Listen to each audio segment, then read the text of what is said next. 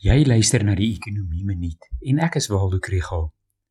Die monetêre beleidskomitee van die Reserwebank het gister aangekondig dat die repo koers verhoog word met 25 basispunte, oftewel tot 3,75%.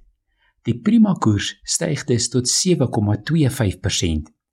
Die verklaring hiervoor het nie almal tevrede gestel nie.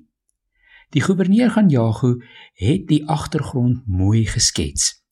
Hy het vertel dat hulle verwag dat die wêreldekonomie stadiger gaan begin groei. Vir Suid-Afrika beteken dit swakker kommoditeitspryse en 'n kleiner vraag na ons uitvoerprodukte. Hy het verduidelik dat daar onsekerheid is oor inflasie in die buiteland en die normalisering van monetêre beleid. Met ander woorde, stygende rentekoerse in die FSA en Europa. Hy het ook gesê dat Suid-Afrika se groeivooruitsigte nie wat wonders lyk nie 1,7% in 2022 en 1,8% in 2023.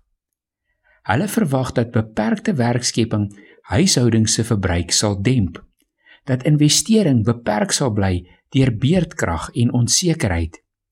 Hy het ook verduidelik dat die rand oor die laaste paar maande verswak het teen die dollar en dat brandstofpryse en elektrisiteitspryse hoog gaan bly. Daar is 'n duidelike risiko dat inflasie oor die korttermyn gaan styg.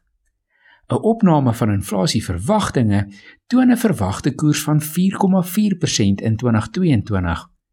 Die Reserwebank se eie vooruitskattinge is vir inflasie van 4,3% volgende jaar en 4,6% in die jaar daarna.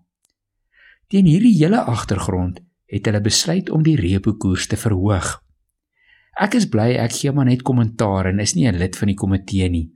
Want hierdie agtergrond klink vir my soos redes om die repo onveranderd te los.